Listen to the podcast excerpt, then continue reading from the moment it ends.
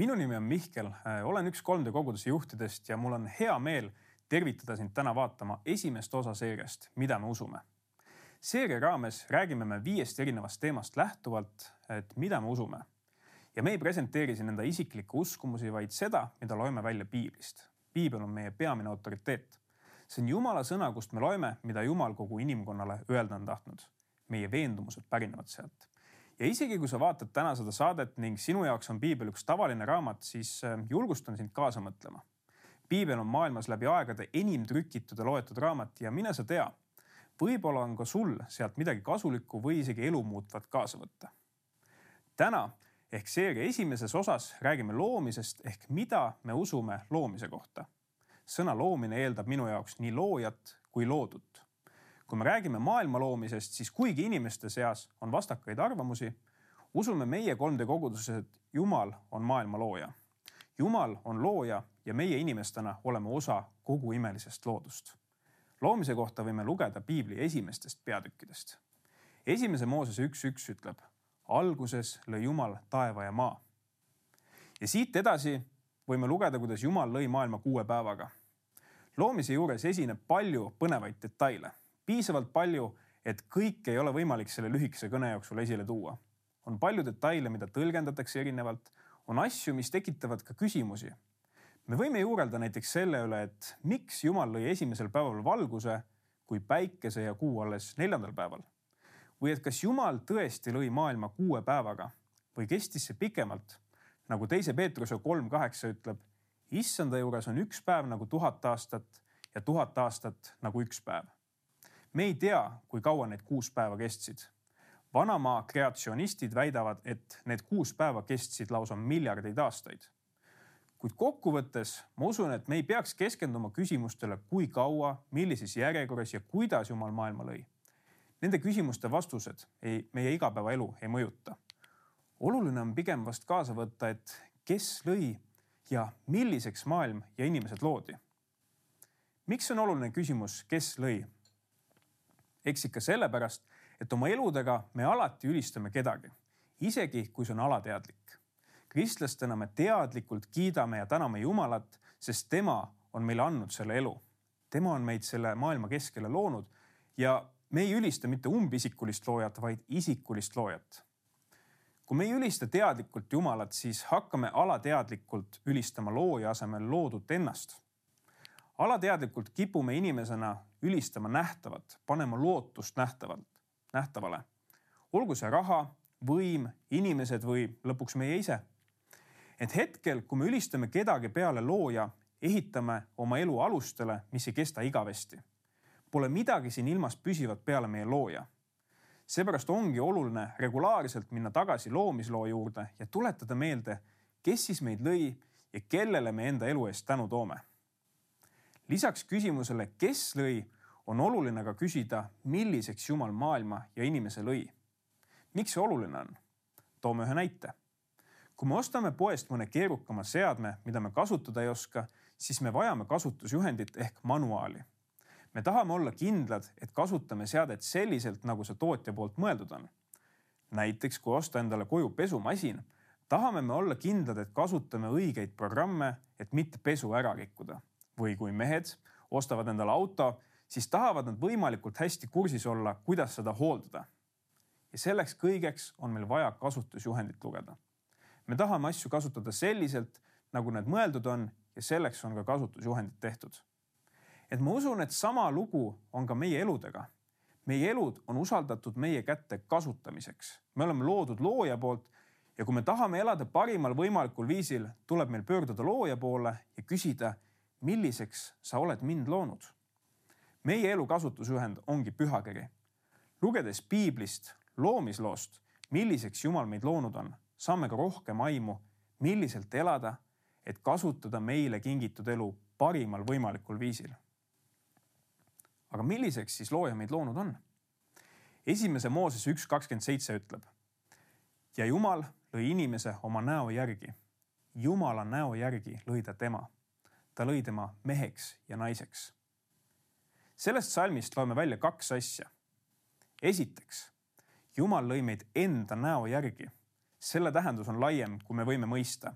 ent see viitab sellele, et meil on üks eriline side Jumalaga. meie ja Jumala vahel on midagi enamat kui Jumala ja loomade vahel. Jumal andis vaid inimesele oma näolisuse. olen vahel mõelnud, et kuidas see küll reaalses elus kajastub. Mõeldes näiteks sellele, kuidas me inimestena tunneme armukadedust, siis tundub mulle piiblist narratiivina välja tulevat, et ka Jumal on armukade. kui me paneme kellegi teise peale Jumala enda elus esikohale, teeb see Jumalale haiget. ma usun, et see on vaid üks näide, mis iseloomustab meie Jumala näolisust teine, mida võime viimati loetud kirjakohast välja lugeda, oli see, et Jumal lõi meid meheks ja naiseks. Sellel teemal ma pikemalt ei peatuks, sest meil just lõppes seeria Mehed ja naised, kus me rääkisime, et milliseks siis Jumal meid meeste ja naistena lõi. esimese Moosese üks kakskümmend kaheksa ütleb. ja Jumal õnnistas neid ja Jumal ütles neile, olge viljakad ja teid saagu palju, täitke maa ja alistage see enestele ja valitsege kalade üle meres lindude üle taeva all ja kõigi loomade üle, kes maa peal liiguvad. Me oleme loodud valitsema loodu üle. me oleme loodu majapidajad. jumal lõi meid valitsema looduse ja loomade üle. see ei tähenda ülbet peremehetsemist, vaid seda, et peame ka hoidma seda keskkonda, kus me elame. oluline on aga säilitada arusaam, et me ülistame siiski loojat, mitte loodut tänapäeva rohelised liikumised võivad meid viia kohta, kus me justkui näiliselt austame loojat läbi looduse hoidmise. kuid üks hetk võime avastada, et me oleme looja staatusesse pannud loodu ning ülistame loodust looja asemel. oluline on hoida fookust, et me hoiame loodut, ülistades selle kõige juures loojat. esimese Moosese teise peatüki algusest loeme, et looja hingas seitsmendal päeval kogu tehtud tööst Jumal õnnistas ja pühitses seitsmendat päeva. see on ka oluline meie elus. Jumal on loonud ja andnud meile hingamispäeva. Ja see on jällegi üks asi, mida loomisloost kaasa võtta. kui Jumal vajas peale kuute päeva töötamist hingamispäeva, siis miks me arvame, et me kuidagi võimekamad oleme? oleme ju Jumala näo järgi loodud. minu jaoks üks kõnekamaid mõttearutlusi loomise teemal pärineb kuulsalt autorilt C.S. Lewis. raamatus Lihtsalt kristlus toob autor esile sellise mõiste nagu loomusund. see on minu arusaama järgi lihtsamalt lahti seletades jumalik tunnetus, mis on meie südamesse sisse kirjutatud. see on miski, mis ütleb meile südamepõhjas, mis on õige ja mis on vale. loomusund on see, mis paneb meid tundma halvasti, kui me valetame või kui me kellestki taga räägime. see paneb meid halvasti tundma isegi siis, kui me ise ei arva, et see miski vale on. meie võimalus on kas kuulata või ignoreerida seda kui me ei tule selle tegevusega teiste ette uhkustama või parema meelega seda kergekäeliselt ei jaga, järelikult tunnetame ka ise südamepõhjas, et see on vale.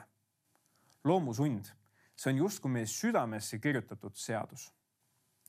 viimase punktina küsimuses, milliseks looja maailma lõi, tooksime esimese Moosese esimese peatüki viimase salmi. esimese Moosese üks kolmkümmend üks ütleb. ja Jumal vaatas kõike, mis ta oli teinud ja vaata, see oli väga hea siis sai õhtu ja sai hommik, kuues päev. Esimese Moosese esimeses peatükis mainib Jumal seitse korda, et Jumal nägi, et lood oli hea. kõik, mis Jumal lõi, on hea. kui mitmed teised religioonid kommunikeerivad seda, et siit halvast maailmast tuleb ära saada, siis meie Jumal annab meile positiivse suhtumise loodusse ja maailma, kus me elame. ta näitab, et me oleme loodud heasse maailma ja meil on privileeg siin elada ja muidugi on inimesi, kes küsivad seepeale, et kui Jumal on hea, siis miks on nii palju halba meie keskel? hea ja kurja teemal räägib lähemalt järgmises kõnes Valtrik. ent äh, rääkides loomisest, on oluline välja tuua vastus küsimusele, kas Jumal lõi inimese patuseks? ei, Jumal ei loonud inimesest patuseks, vaid Jumal lõi inimese vaba tahtega. see tähendab, et Aadamal ja Eeval oli valik.